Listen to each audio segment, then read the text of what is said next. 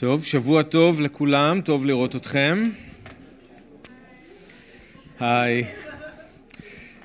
כן, ברוכים הבאים, אורחים יקרים, משפחה יקרה, אנחנו שמחים אה, להיות ביחד ואנחנו רוצים לפתוח ביחד את אה, דבר אלוהים. אז אתם יכולים לפתוח טלפונים, או אם יש לכם ספר פיזי, יש גם ספרים על המדף לדעתי, אם למישהו אין אז אפשר, אה, אבל או גרסה דיגיטלית או ספר פיזי, זה גם נמצא אצלכם בעלון השבועי שקיבלתם בכניסה לכאן הערב, למרות שזה קטע שהוא טיפה יותר ארוך, אבל הכל נכנס לשם, למשבצת הזאת, אז אה, תוכלו למצוא את זה בעלון. אנחנו בבראשית פרק ל"ז, ורק להזכיר לכם, אנחנו התחלנו את הסיפור אה, של חיי יוסף. אנחנו בעצם ממשיכים את הסיפור של בראשית והגענו לחיי יוסף. ואם אתם זוכרים אז אנחנו אמרנו שעם הסיפור של חיי יוסף אנחנו רואים משהו שמאוד שונה ממה שראינו אצל אברהם ויצחק ויעקב עד עכשיו כי אנחנו לא רואים שאלוהים מתגלה אל יוסף כדי להבטיח לו עוד פעם את ההבטחות של ברית אברהם בגלל שדרך יוסף אנחנו מגיעים להתחלה של ההתגשמות של ההבטחות האלה, אז אנחנו עברנו שלב. הברכה היא כבר לא מובטחת, אלא הברכה מתחילה להתגשם. אבל מה שאמרנו וראינו זה שאלוהים צריך לצרוף ולנקות ולהכין את הכלי הזה שדרכו הוא רוצה לברך. אז אלוהים רוצה לברך אבל המשפחה לא מוכנה עדיין לברכה. זוכרים שראינו את הברכה בידיים של יעקב שזה הופך אצלו לאפליה וליחס מועדף יוצר סכסוך בין האחים הוא ראה משהו נכון, משהו מיוחד ביוסף, אבל הוא השתמש בזה לא נכון. בידיים של יוסף עצמו ראינו שהברכה הופכת להתנשאות ולגאווה. הוא באמת קיבל התגלות מאלוהים, אבל הוא בן 17 עם חזה נפוח, הרבה אגו, והוא בא לאחים שלו ומספר להם על מה שהוא ראה. וראינו שבידיים של האחים שלו, וזה איפה שסיימנו פעם שעברה, הברכה הופכת למשהו מאוד לא טוב, כי הם שונאים אותו והם מקנאים בו. אז אלוהים רוצה לברך, אבל הם לא מסוגלים לקבל את הברכה. וכאן אנחנו עצרנו, ואנחנו אמרנו שזה גם בטבע שלנו, לרצות לר... דווקא לרמוס את מי שאלוהים רוצה לרומם, וזה מה שאנחנו רואים עם האחים שלו. הנטייה הטבעית שלהם, אלוהים רוצה לברך ולרומם אותו, הם רוצים לרמוס אותו. וכאן אנחנו עצרנו, אמרנו שבברית החדשה אלוהים אומר לנו שבינינו זה צריך להיות בדיוק להפך, אם איבר אחד מכובד, ישמחו איתו כל האיברים, לא ירמסו אותו כל האיברים, אלוהים מרומם מישהו ומברך מישהו ומכבד מישהו, משתמש במישהו, צריך לשמוח עם האדם הזה ולא לנסות לרמוס אותו. אז היום אנחנו ממשיכים עם האחים, ומה שאנחנו נראה זה שאת הזרעים הלא טובים של שנאה ושל קנאה, עכשיו אנחנו נראה את הפרי הרע שהם מפיקים. אז אנחנו ראינו את הזרעים, עכשיו אנחנו נראה את הפרי. אנחנו ראינו את הקנאה והשנאה, עכשיו אנחנו נראה איך זה בא לידי ביטוי במעשים. אז תעקבו איתי ביחד, פרק ל"ז, פסוק 12. וילכו אחיו לראות את צאן אביהם בשכם. ויאמר ישראל אל יוסף, הלא אחיך רואים בשכם, לך ואשלחך אליהם. ויאמר לו, הנני. ויאמר לו לך נא ראה את שלום אחיך ואת שלום הצאן והשיבני דבר. וישלחהו מעמק חברון ויבוא שכמה וימצאהו איש והנה טועה בשדה וישאלהו האיש לאמור מה תבקש? ויאמר את אחי אנוכי מבקש. הגידה נא לי איפה הם רואים? ויאמר האיש נסעו מזה כי שמעתי אומרים נלכה דותיינה וילך יוסף אחר אחיו וימצאם בדותן. ויראו אותו מרחוק, ובטרם יקרב אליהם ויתנכלו אותו להמיתו. ויאמרו איש אל אחיו, הנה בעל החלומות על הזה בא. ועתה לכו ונהרגהו ונשליכהו באחד הבורות, ואמרנו, חיה רעה אכלתהו, ונראה מה יהיו חלומותיו. וישמע ראובן, ויצילהו מידם, ויאמר לא נקנו נפש, ויאמר אליהם ראובן אל תשפכו דם השליכו אותו אל הבור הזה אשר במדבר ויד אל תשלחו בו למען הציל אותו מידם להשיבו אל אביו. ויהי כאשר בא יוסף אל אחיו, ויפשיטו את יוסף את כותנתו, את כתונת הפסים אשר עליו, ויקחוהו וישליכו אותו הבורה, והבור ריק אין בו מים. וישבו לאכול לחם, וישאו עיניהם ויראו, והנה אורחת ישמעאלים באה מגלעד. וגמליהם נושאים נכות וצרי ולוט הולכים להוריד מצרימה. ויאמר יהודה אל אחיו, מה בצע כי נהרוג את אחינו וכיסינו את דמו? לכו ונמכרנו לישמעאלים, וידנו אל תהי בו, כי אחינו בשרנו הוא. וישמעו אחיו, ויעברו אנשים מדיינים סוחרים, וימשכו ויעלו את יוסף מן הבור, וימכרו את יוסף לישמעאלים בעשרים כסף, ויביאו את יוסף מצרימה. וישב ראובן אל הבור, והנה אין יוסף בבור, ויקרע את בגדיו. וישב אל אחיו ויאמר, הילד איננו, ואני, אנה אני בא. ויקחו את כתונת יוסף, וישחטו שעיר עזים, ויטבלו את הכותונת בדם. וישלחו את כותונת הפסים, ויביאו אל אביהם, ויאמרו, זאת מצאנו, הכר נא, הכתונת בנך היא אם לא. ויקיריה ויאמר, כתונת בני. חיה רעה אכלת הוא, טרוף טורף יוסף. ויקרא יעקב שמלותיו, וישם שק במותניו, ויתאבל על בנו ימים רבים, ויקומו כל בניו וכל בנותיו לנחמו, וימאן להתנחם, ויאמר כי ארד אל בני אבל שאולה. ויבח אותו אביו. והמדיינים מכרו אותו אל מצרים, לפוטיפר, סריס פרעה, שר הטבחים. אבא יקר, אנחנו מודים לך על דברך, ואנחנו רוצים לשמוע את מה שיש לך להגיד לנו, ואנחנו רוצים לראות את מה שיש לך להראות לנו. ואנחנו מבקשים שתיתן לנו עיניים לראות ואוזניים לשמוע ולב שמסוגל להבין ולב שמסוגל להגיב. אנחנו רוצים להשתנות. אנחנו לא רוצים לחיות את החיים שלנו בבשר, אנחנו רוצים להשתנות ולהתהלך ברוח ולהידמות לישוע. ואנחנו יודעים שבדברך אתה אומר לנו את האמת ואתה מראה לנו את האמת. אז אנחנו רוצים את האומץ להיות מסוגלים להתבונן בדברך ולראות את ההשתקפות האמיתית של הלב שלנו ולהבין מה צריך להשתנות בנו, מה אנחנו צריכים לעשות עם מה שאתה מראה לנו. אז עזור לנו, ברך אותנו בזמן הזה, אנחנו מודים לך בשם ישוע. אמן. קשה כשאול קנאה, רשפיה רשפי אש. אכזריות, חמה ושטף אף, ומי יעמוד לפני קנאה? חיי בשרים לב מרפה, ורקב עצמות קנאה. הקנאה קשה, הקנאה שורפת, הקנאה דורסת, והיא מתפשטת בגוף כמו ריקבון בעצמות. זה מה שדבר אלוהים אומר לנו על קנאה. והסיפור הזה הוא סיפור על קנאה, ועל למה צריך להיזהר ממנה. זאת לא קנאה כמו הקנאה של אלוהים אלינו, אל אלה ששייכים לו, הוא קנאי לנו מתוך האהבה שלו אלינו. זאת לא הקנאה שהייתה גם לישוע כשהוא נכנס לבית המקדש וראה שהפכו את הבית של אבא שלו למערת פריצים. כתוב קנאת ביתך אכלתני. זאת לא הקנאה ששאול רצה לעורר בישראל דרך האמונה של הגויים כדי שגם הם יאמינו בישוע. זאת קנאה, הקנאה הזאת זאת קנאה שהיא צודקת והיא באה יחד עם אהבה והיא באה יחד עם חסד. והיא מנסה להשיג משהו טוב. אבל הסיפור שלנו הוא לא על קנאה כזאת, והכתובים לא מזהירים אותנו מפני קנאה כזאת. הקנאה שיש לנו כאן היא קנאה מסוג אחר לגמרי.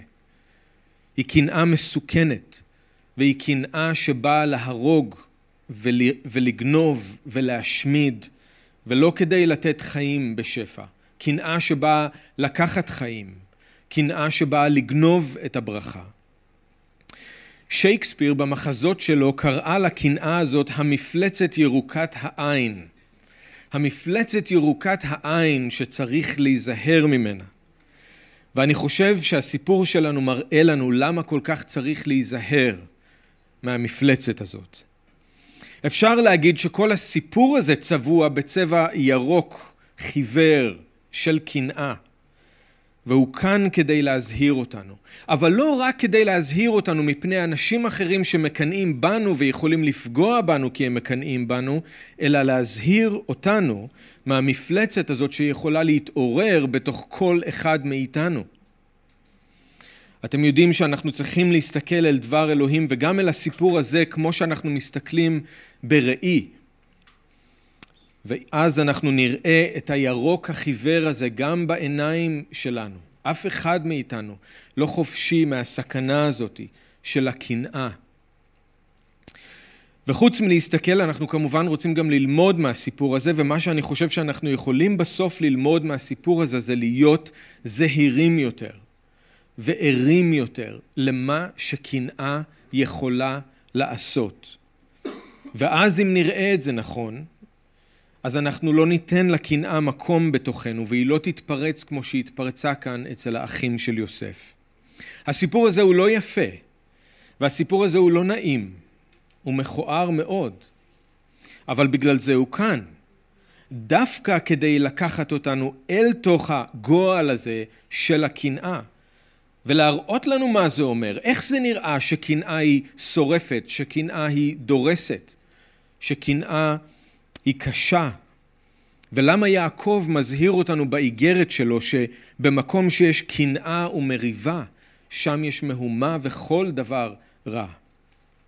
אז בואו תראו איתי ביחד מה קורה למי שלא נזהר מהמפלצת הזאת, ירוקת העין, ונותן לה להשתלט על הלב שלו.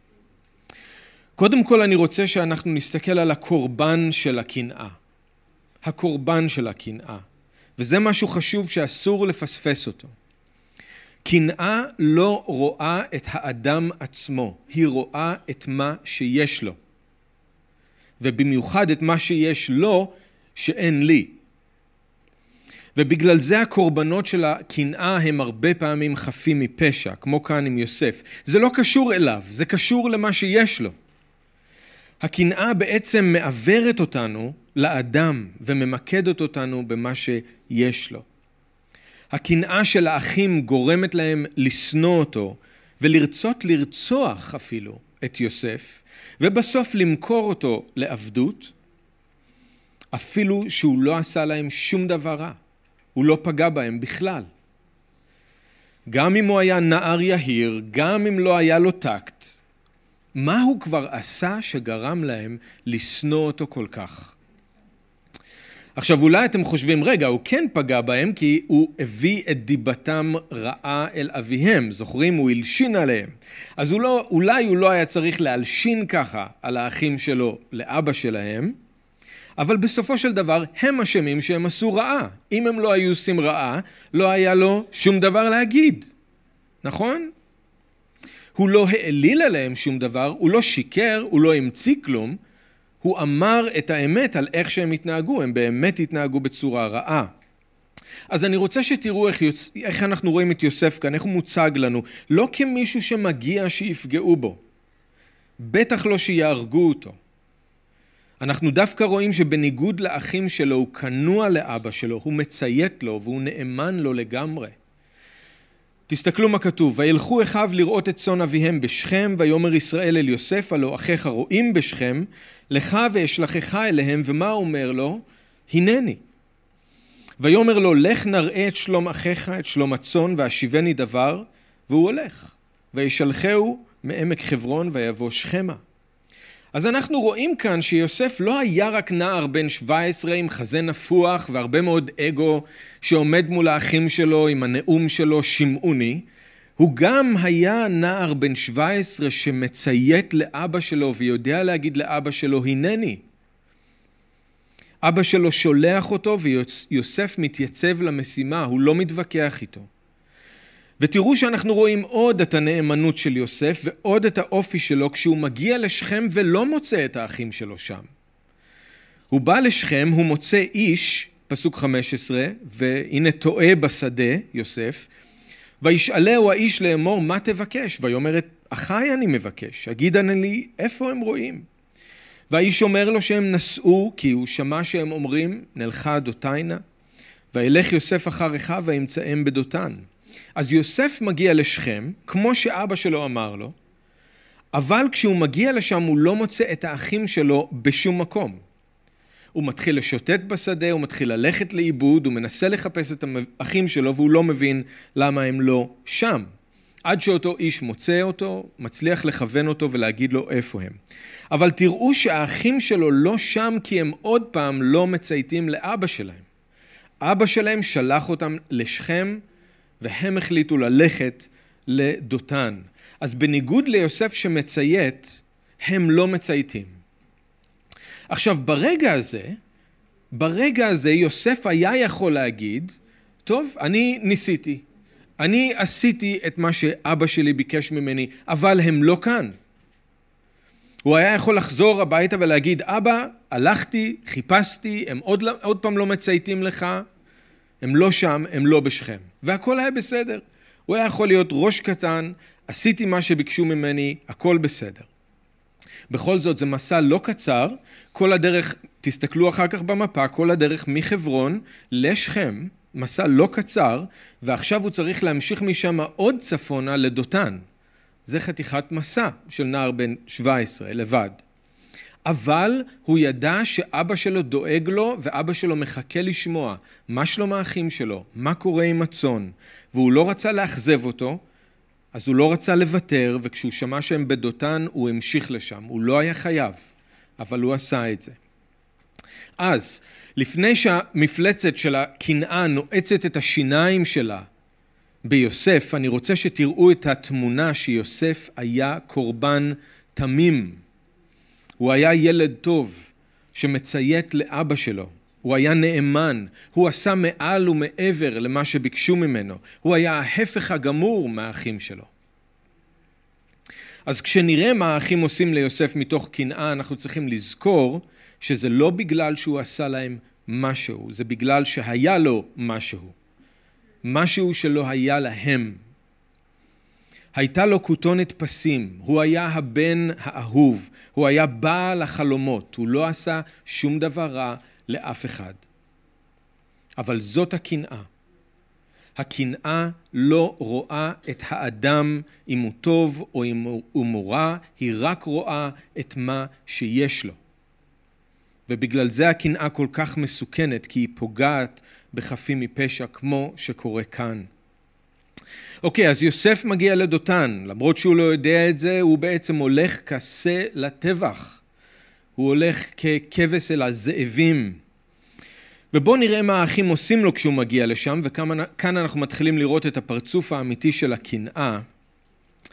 אז עוד לפני שהוא ממש מגיע, הם רואים אותו מרחוק. ומה הם רואים מרחוק? איך הם מזהים מרחוק שזה יוסף? הכותונת שלו. הם רואים מרחוק את הכותונת שלו. הוא בא, מתהלך לקראתם, לבוש כמו נסיך. ואז מפלצת, המפלצת ירוקת העין מתעוררת. ולא צריך הרבה כדי לעורר את המפלצת הזאת, גם לא בתוכנו. ותראו מה קורה. הם רואים אותו מרחוק, פסוק 18, ובטרם יקרב אליהם ויתנכלו אותו להמיתו. ויאמרו איש אל אחיו, הנה בעל החלומות הלזה בא, ועתה לכו ונהרגהו ונשליכהו באחד הבורות, ואמרנו חיה רעה אכלתו, ונראה מה יהיו חלומותיו. ויתנכלו אותו להמיתו, לכו ונהרגהו, הם רואים אותו ומיד מחליטים לרצוח אותו?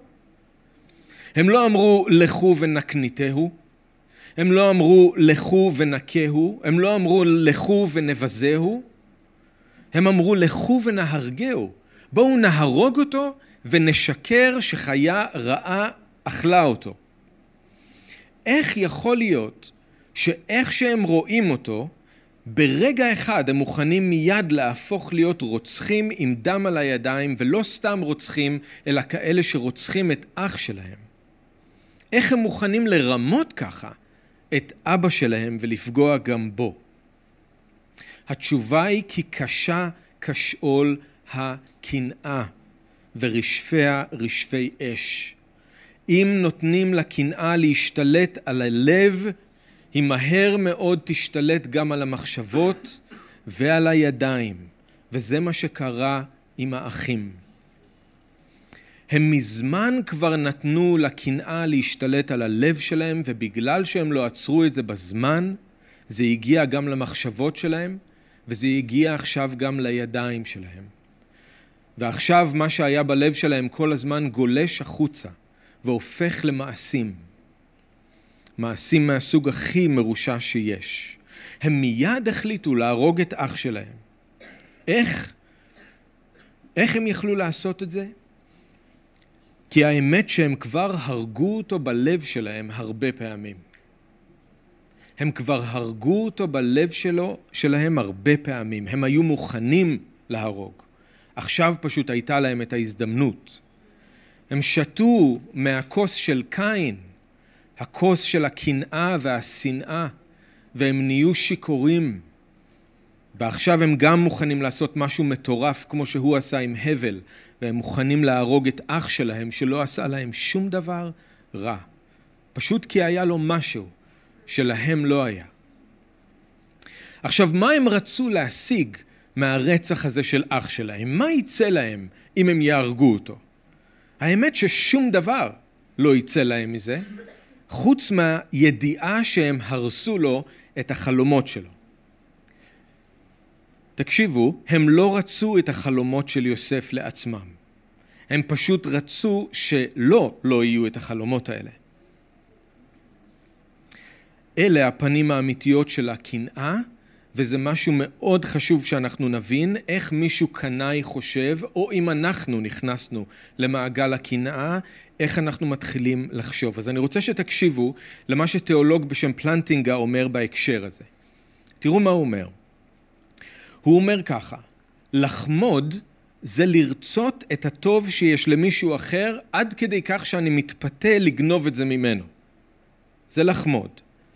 אבל לקנא זה לנטור טינה למישהו אחר על כל הטוב שיש לו, עד כדי כך שאני מתפתה להרוס את זה. מי שחומד, יש לו ידיים ריקות והוא רוצה למלא אותן במה שיש למישהו אחר. אבל מי שמקנא, יש לו ידיים ריקות, ובגלל שהידיים שלו ריקות, הוא רוצה לרוקן גם את הידיים של זה שהוא מקנא בו. אם לי אין, אז גם לך לא יהיה. זאת הקנאה. אתם מבינים איזה רוע יש בקנאה? היא רוצה לרוקן את הידיים של מי שיש לו, רק כי היא לא יכולה לסבול את זה שהידיים שלה ריקות. ישוע אמר שמבפנים, מלב בני האדם, יוצאות מחשבות רעות, זנונים, גנבות, רציחות. בפנים, בתוך הלב, זה איפה שהקנאה יושבת, ושמה חייבים לטפל בה. לפני שהיא תשתלט על המחשבות שלנו ועל הידיים שלנו, כמו שקרה לאחים של יוסף, כי המרחק בין קנאה לרצח הוא קצר מאוד. המרחק בין קנאה לרצח קצר מאוד.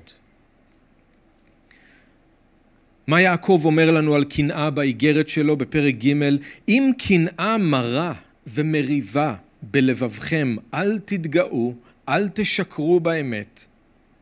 הן במקום שיש קנאה ומריבה, שם מהומה וכל מעשה רע. זה מתחיל בקנאה מרה ומריבה בלבבכם, וזה מסתיים בכל מעשה רע. המרחק בין קנאה למעשה רע הוא קצר מאוד. מה כתוב על ישוע ועל אלה שמסרו אותו לצליבה ורצו שהוא ימות? כתוב שפילטוס ידע שמקנאה הם מסרו אותו. פילטוס ידע, כתוב, שמקנאה הם מסרו אותו. והקנאה שלהם מהר מאוד גם הפכה למעשה רע. הם קינאו בישוע, הם לא יכלו לסבול את זה שהידיים שלו מלאות ושלהם ריקות. ובגלל שהם לא יכלו למלא את הידיים שלהם, אז הם החליטו לרוקן את שלו, כי לא יש ולנו אין. אז גם ישוע, בין השאר, היה הקורבן של המפלצת הזאת, ירוקת העין. היו כמה סיבות למה דחו אותו, למה הרגו אותו, אבל בין השאר זה היה גם קנאה. כמו יוסף, הם לא יכלו לסבול לראות את ישוע לבוש בכותונת שהייתה ללא תפר, הריגה רצופה מלמעלה עד למטה, ומדבר על עצמו כבן אלוהים, ואת כל העם הולך אחריו. הם לא יכלו לסבול את ההצלחה והייחוד של ישוע, אז הם החליטו להרוס ולשבור אותו. אז אנחנו חייבים לשים לב אם יש קנאה מרה בלב שלנו, ולטפל בזה שם, לפני שזה הופך למעשה רע. אנחנו צריכים לבקש מהאדון שימתיק את המים המרים האלה, לפני שהם גולשים החוצה והופכים למעשים. היה מישהו שאמר שהזמן להתחיל בקנאה זה כשאנחנו שמים לב שאנחנו כל הזמן עסוקים בהישגים ובהצלחות של האנשים מסביבנו ומחלקים להם ציונים. זה סימן אולי שהקנאה מתחילה להתעורר בנו, אם אנחנו כל הזמן עסוקים בזה. אז התוכנית הנוראית של האחים היא להרוג את יוסף ולזרוק אותו לבור ולשקר לאבא שלהם. אבל אז בתוך החושך הזה של מה שקורה כאן עם האחים, יש שתי נקודות אור, שתי נקודות אור, קוראים להם ראובן ויהודה. אני לא אומר שהם נקודות אור בעצמם, הם ממש לא, אבל אלה כן שתי נקודות אור בסיפור, כי ככה יוסף נשאר בחיים. ואנחנו מבינים שהיד שמאחורי התוכניות של ראובן ויהודה זה היד של אלוהים. אז מה אנחנו רואים עם ראובן? זאת נקודת האור הראשונה שלנו. ראובן שם עם האחים, כשיוסף מתחיל להתקרב לכיוון שלהם, הוא שומע את מה שהאחים מתכננים לעשות, וכתוב שהוא רוצה באמת להציל אותם, אותו מידם, והוא רוצה להחזיר אותו אל יעקב. זאת התוכנית שלו. אז בתור האח הבכור מתערב, כנראה באמצע שהם כבר מתכננים מי ייתן ליוסף את המכה הראשונה, הוא מתערב והוא עוצר את התוכנית שלהם. אבל תראו מה הוא אומר להם, הוא לא גוער בהם, הוא גם לא מספר להם את התוכנית האמיתית שלו, שהוא רוצה להחזיר את יוסף ליעקב, הוא מנסה להתחכם ולרמות אותם.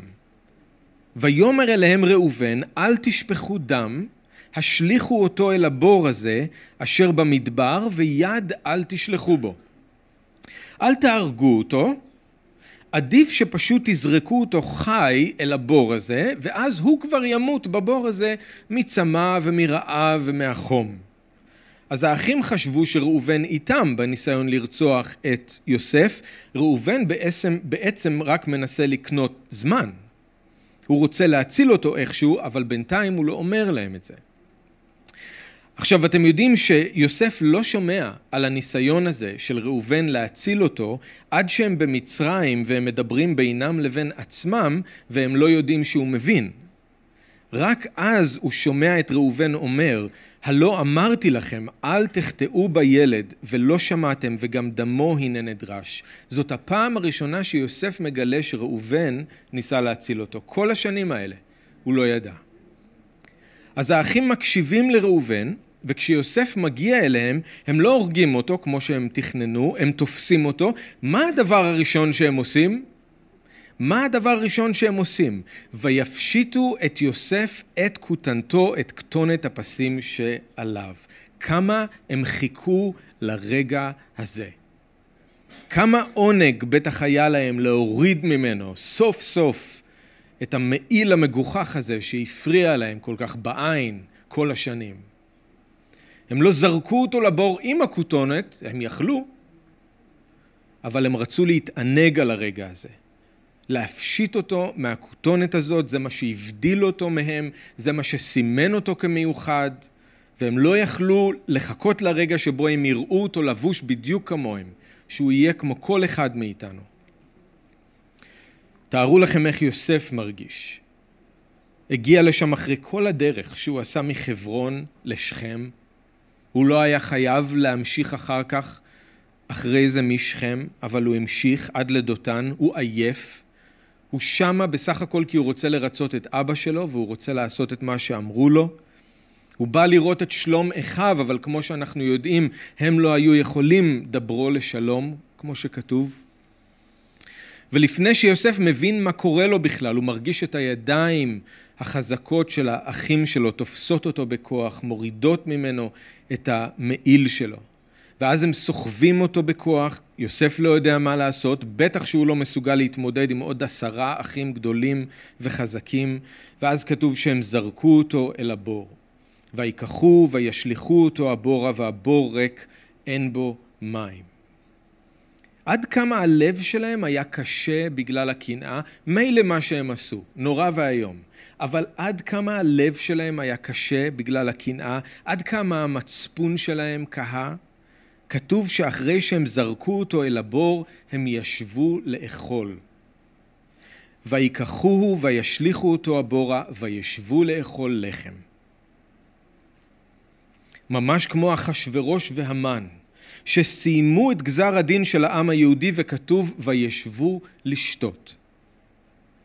כמו כמה הלב צריך להיות אכזרי וקשה, שאחרי שעושים משהו כזה עדיין יש תיאבון, שאפשר לשבת לאכול. הארוחה הזאת לא הייתה שקטה, היו שם קולות ברקע. אנחנו לא קוראים את זה כאן, אבל אנחנו קוראים את זה בפרק מ"ב, כשהאחים סוף סוף מתחרטים על מה שהם עשו. כתוב, ויאמרו איש אל אחיו, אבל אשמים אנחנו על אחינו. אשר ראינו את צרת נפשו בהתחננו אלינו ולא שמענו, על כן באה עלינו הצרה הזאת. אז בזמן שהם יושבים שמה ואוכלים לחם, ברור שהם שמעו את הצעקות של יוסף מתוך הבור, כשהוא מתחנן שהם יוציאו אותו משם, והם התעלמו ממנו, והם המשיכו לאכול. פרשן, פרשן בשם ברנהאוס אמר שפיזיקאי אולי היה יכול לחשב כמה זמן לוקח לזעקה של יוסף להגיע מהבור אל האוזניים של האחים שלו, אבל אנחנו יודעים שזה לקח 25 שנים עד שהזעקה שלו הגיעה מהאוזניים אל הלב שלהם. אם אנחנו ניתן לקנאה למלא את הלב שלנו, ואם אנחנו לא נעצור את זה בזמן, הלב שלנו יהפוך לאבן. זה מה שקרה לאחים של יוסף. הם יכלו לשמוע את הזעקות של אח שלהם ולא לעשות כלום ולהמשיך לאכול כי הלב שלהם היה מלא קנאה וכל מה שעניין אותם זה להיפטר מיוסף. זה כל מה שהם רצו, להיפטר מיוסף. ואז בזמן שהם יושבים לאכול ויוסף מתחנן מתוך הבור שיוציאו אותו, יש לנו עוד תפנית בעלילה. התוכנית של האחים עוד פעם משתנה. הנה נקודת האור השנייה שלנו, התוכנית של יהודה. Okay? אוקיי? עכשיו, ראובן קידם את התוכנית של אלוהים בזה שהוא הצליח להשאיר את יוסף בחיים. יהודה עכשיו מקדם את התוכנית של אלוהים בזה שהוא מצליח לשלוח אותו למצרים. הם מנסים לגרום לחלומות של יוסף לא להתגשם ובעל כורחם הם הופכים להיות הכלי שדרכו אלוהים מגשים את החלומות. אז בזמן שהם אוכלים פתאום עוברת לידם שיירה של ישמעאלים עם גמלים שלוקחים סחורה שהם קנו בגלעד ומתכוונים למכור אותם במצרים ופתאום צצה בראש המעוות של יהודה מחשבה למה לא לנצל את המצב כדי לעשות קצת כסף? מה בצע כי נהרוג את אחינו וכיסינו את דמו, לכו ונמכרנו לישמעאלים. מה יצא לנו מזה שרק נהרוג אותו ונשקר שחיה רעה טרפה אותו? יש לי רעיון טוב יותר. בואו נמכור אותו לעבדות ואז נשקר שחיה רעה אכלה אותו. אז אח שלנו יהיה עבד, אבא שלנו יהיה עם לב שבור ולנו יהיה קצת כסף. רעיון טוב, לא? זה יהודה. ואז הוא כנראה פתאום מבין כמה זה נורא מה שהוא כרגע אמר, אז הוא מוסיף, וידנו אל תהי בו, כי אחינו בשרנו הוא. אה, אחרי הכל הוא אח שלנו. אז שלא נהרוג אותו חס וחלילה, לזה התכוונתי. מעניין שעד שהישמעאלים הגיעו לא הייתה לו שום בעיה שיהרגו אותו. פתאום כשהישמעאלים הגיעו, הוא אחינו, הוא בשרנו, שלא ניגע בו, שלא נהרוג אותו. אז האחים שוב מוכנים לשנות את התוכנית שלהם, הם הפעם הולכים עם הרעיון של יהודה, הם מוציאים אותו מהבור, ואתם יודעים, אולי יוסף חושב שסוף סוף הם שמעו את הצעקות שלו כשהם מוציאים אותו מהבור. אולי הוא חושב שכל זה היה רק כדי ללמד אותו לקח ועכשיו זה נגמר. אבל לא, הרוע של האחים לא עצר שם, הקנאה הייתה כל כך עמוקה. ואז הוא רואה את הישמעאלים והוא רואה את יהודה מקבל שק עם מטבעות של כסף ומצביע עליו והוא מבין שהוא בצרות. האחים מכרו אותו לישמעאלים כעבד תמורת עשרים מטבעות כסף, שני מטבעות לכל אחד. עכשיו רק הערה לגבי הקשר של כל זה לישוע. למרות שבברית החדשה יש רק את סטפנוס שמחבר בין יוסף לישוע, אני חושב שכולנו מרגישים שביחד כל התמונה הזאת מתחברת למשהו מאוד מוכר לגבי הסיפור של ישוע. כמו יוסף, גם ישוע הוסגר על ידי יהודה, יהודה איש קריות, תמורת עשרים שקל, אה, תמורת עשרים כסף כאן, תמורת שלושים שקלי כסף שם. גם את ישוע הפשיטו מהבגד המיוחד שהיה לו. את ישוע אמנם לא זרקו לבור, אלא צלבו והרגו, והוא קם לתחייה. אבל בגדול הסיפור של יוסף, של הסבל שלו ואז העלייה שלו לגדולה, מזכיר לנו גם את ישוע שהשפיל את עצמו וציית עד מוות, ואז אבא שלו שרומם אותו ונתן לו את השם מעל לכל שם. אז אין ספק שיש בתמונה של כל הסיפור של יוסף משהו שמזכיר לנו את ישוע. ואתם יכולים לקרוא במעשה השליחים פרק ז' איך סטפנוס מחבר את יוסף לישוע ואני משאיר את זה בידיים שלכם. אני נזהר לא לעשות מזה יותר מדי כי בברית החדשה אין מישהו שמחבר ממש את שני הסיפורים. אבל ברור שיש קשר בין הדרך של יוסף לדרך של ישוע. חזרה לסיפור שלנו, תראו איך קנאה בלב מסתיימת במעשה רע, כמה רוע אנחנו רואים פה אצל האחים. רק כי היה ליוסף ייחוד, רק כי היו לו חלומות, הם היו מוכנים להרוג אותו בעצמם, אז הם היו מוכנים להפקיר אותו למות בבור, בזמן שהם יושבים ואוכלים, ואז הם היו מוכנים למכור אותו, את אח שלהם, כעבד בשביל שני מטבעות כסף, כל אחד. העיקר להיפטר מיוסף, ולא לראות יותר את הכותונת הארורה הזאת, ולא לשמוע יותר על חלומות. עכשיו ראובן לא היה איתם כשכל זה קרה, כשהתוכנית השתנתה. אנחנו לא יודעים איפה הוא היה, אבל ראובן לא היה שם. כתוב בפסוק 29, וישב ראובן אל הבור, והנה אין יוסף בבור. ויקרע את בגדיו. שינו לו את התוכנית והוא לא ידע. זה נכון שזאת הייתה התגובה של ראובן, אבל לפני שאנחנו קופצים למסקנות שראובן באמת היה אכפת לו מיוסף עד כדי כך, תראו מה הוא אומר לאחים שלו. הוא אומר, וישב אל אחיו ויאמר, הילד איננו ואני, אנה אני בא? התוכנית של ראובן הייתה להציל את יוסף, זה נכון, אבל למה? כי הוא חשב על עצמו. הוא הבן הבכור, מה הוא יגיד לאבא שלו? תראו מה הוא אומר, הילד איננו ואני אנה אני בא. לא מה יהיה עם יוסף, מה יהיה איתי? לאן אני אלך? מה אני אעשה עכשיו? הוא לא מרחם על יוסף כמו שהוא מרחם על עצמו. עכשיו, אני חושב שהוא בטח לא רצה להסתבך עם אבא שלו, שהוא גם ככה כבר היה מסובך איתו, כי אתם זוכרים שהוא שכב עם אחת הנשים שלו, עם בלהה, ואולי הוא חשב שיש עוד סיכוי שהוא יקבל משהו מהירושה שמגיעה לבן הבכור, אז יכול להיות שהוא ניסה לא להחמיר את המצב. בכל מקרה, ממה שהוא אומר אנחנו מבינים שהוא לא חשב על יוסף כמו שהוא חשב על עצמו. אז יוסף נמכר לישמעאלים, החלק הזה של התוכנית מסתיים, הם צריכים עכשיו להמציא סיפור ולגרום לאבא שלהם להאמין שהוא מת, אז מה הם עושים? לוקחים את הכותונת, עוד פעם הכותונת שמלווה אותנו כל הזמן, הם שוחטים שעיר עיזים, הם טובלים את הכותונת בדם, מביאים את הכותונת ליעקב, ותראו מה הם אומרים לו, זאת מצאנו, הכר נא. הכותונת בנך היא אם לא. אבא, תראה מה מצאנו. אתה מצליח לזהות את זה? זה של הבן שלך או לא? תראו כמה הרוע שלהם משתלט עליהם, הקנאה אכלה אותם. תראו איך זה הופך בן אדם להיות מפלצת. שאתה יכול ככה לעמוד מול אבא שלך בלי רחמים, לא על יוסף ולא על אבא שלהם, לא על יעקב. יעקב כמובן מזהה את הכותונת, הוא גם בטוח שיוסף מת. אומר, כותונת בני, חיה רעה אכלת הוא, טרוף טורף יוסף.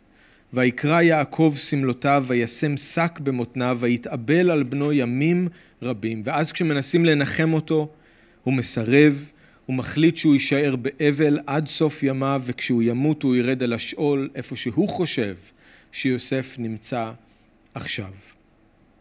אז הסיפור מסתיים כאן עם יוסף שנמכר לאחד האנשים החשובים ביותר במצרים, לפוטיפר שר הטבחים, וטבחים לא במובן של אלה שעובדים במטבח, אנחנו נגיע לזה, אבל הוא אחד האנשים החשובים במצרים, והסיפור על יוסף במצרים ממשיך בפרק ל"ט. אנחנו נראה מה קורה לו בבית של פוטיפר, ואיך שרבות מחשבות בלב איש, אבל עצת אלוהים היא בסוף זאת שתקום. אבל בשבוע הבא מה שאנחנו נראה זה שיש לנו בעצם הפסקה לרגע עם יוסף ואנחנו מציצים אל תוך החיים של יהודה. ויהודה הוא דמות מאוד משמעותית בסיפור של יוסף והדמות שגם עוברת את השינוי הכי גדול בתוך הסיפור הזה אז חשוב שאנחנו נעקוב אחריה ובשבוע הבא אנחנו עושים הפסקה ומציצים לתוך החיים של יהודה ונראה איך זה משתלב עם הסיפור של יוסף ואז חוזרים לבית פוטיפר. אני רק רוצה שנסכם מה שהיה לנו עם הסיפור הזה היום. דבר אלוהים מזהיר אותנו דרך הסיפור הזה ממה שקנאה יכולה לעשות לנו. אם אנחנו לא נעצור את הקנאה בזמן. בראשונה לקיפה ב' אחד כתוב לנו ועתה הסירו מעליכם כל רשע וכל מרמה את הצביעות והקנאה וכל לשון הרע הקנאה זה משהו שאנחנו צריכים להסיר מעלינו, משהו שאין לו מקום בלב של המשיחי. אין מקום לתחרות וקנאה בינינו כילדים של האדון וכאחים ואחיות. ואנחנו כולנו צריכים להיזהר. כי המפלצת הזאת, ירוקת העין, היא אורבת לכולנו ובתוך כולנו. והמרחק בין קנאה מרה בלב למעשה רע הוא מרחק קצר מאוד. אז אנחנו צריכים לקחת לתשומת ליבנו את הסיפור הזה כתמונה למה שקורה למי שנותן לקנאה להשתלט על הלב שלו ומשם על המחשבות שלו ומשם על הידיים שלו ולהיזהר, להיזהר, שלא יהיה ככה בתוכנו, שלא יהיה ככה בינינו. אמן? אבינו שבשמיים, אנחנו מודים לך שוב שאתה מדבר אלינו על דברים כל כך חשובים ועמוקים, דברים שכולנו מתמודדים איתם, כן, גם עם הקנאה. ואנחנו מתפללים שאתה תשמור על הלב שלנו מקנאה מרה, ממריבה. תעזור לנו, אדון, להילחם כדי לכבוש אפילו את ההתחלות הקטנות של הקנאה בתוך הלב שלנו. עזור לנו אפילו לא לתת לזה להתחיל. אנחנו רואים איזה זרעים נזרעו ואנחנו רואים איזה קציר רע ומר יש פה בסיפור הזה ואנחנו לא רוצים להגיע למקומות כאלה. אנחנו רוצים להיות חופשיים מתחרות, חופשיים מקנאה. אנחנו רוצים לשמוח בחלקנו. אנחנו רוצים לשמוח עם כל איבר שאתה מכבד אותו בגוף. כל מי שאתה מרומם אותו, אנחנו רוצים לשמוח בשבילו. אבל שלא תהיה בינינו קנאה, שלא תהיה בינינו תחרות. אנחנו מודים לך שאתה יכול לפעול בצורה כזאת בתוך הלב שלנו, ואנחנו נותנים לך את המקום לעשות את זה בשם ישוע. אמן.